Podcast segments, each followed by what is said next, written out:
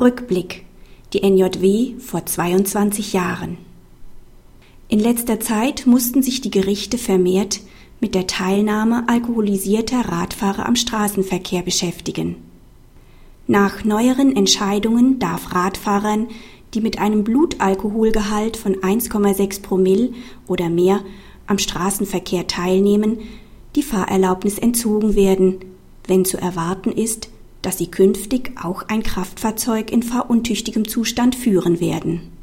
Wann ein Radfahrer absolut fahruntüchtig ist, hat der BGH in Aufgabe seiner bisherigen Rechtsprechung in der NJW von vor 22 Jahren entschieden. Er setzte aufgrund nun ausreichender wissenschaftlicher Erkenntnisse einen Grenzwert von 1,7 Promille fest, neuere Rechtsprechung 1,6 Promille.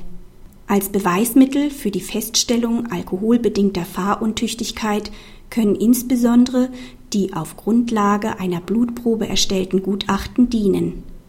Eine solche, von der Polizei angeordnete Entnahme einer Blutprobe bei einem alkoholisierten Autofahrer ist Gegenstand der Bundesverfassungsgerichtsentscheidung im aktuellen Heft. Lesen Sie selbst, wie das Bundesverfassungsgericht dort das Verhältnis von Beweiserhebungs- und Beweisverwertungsverbot beurteilt.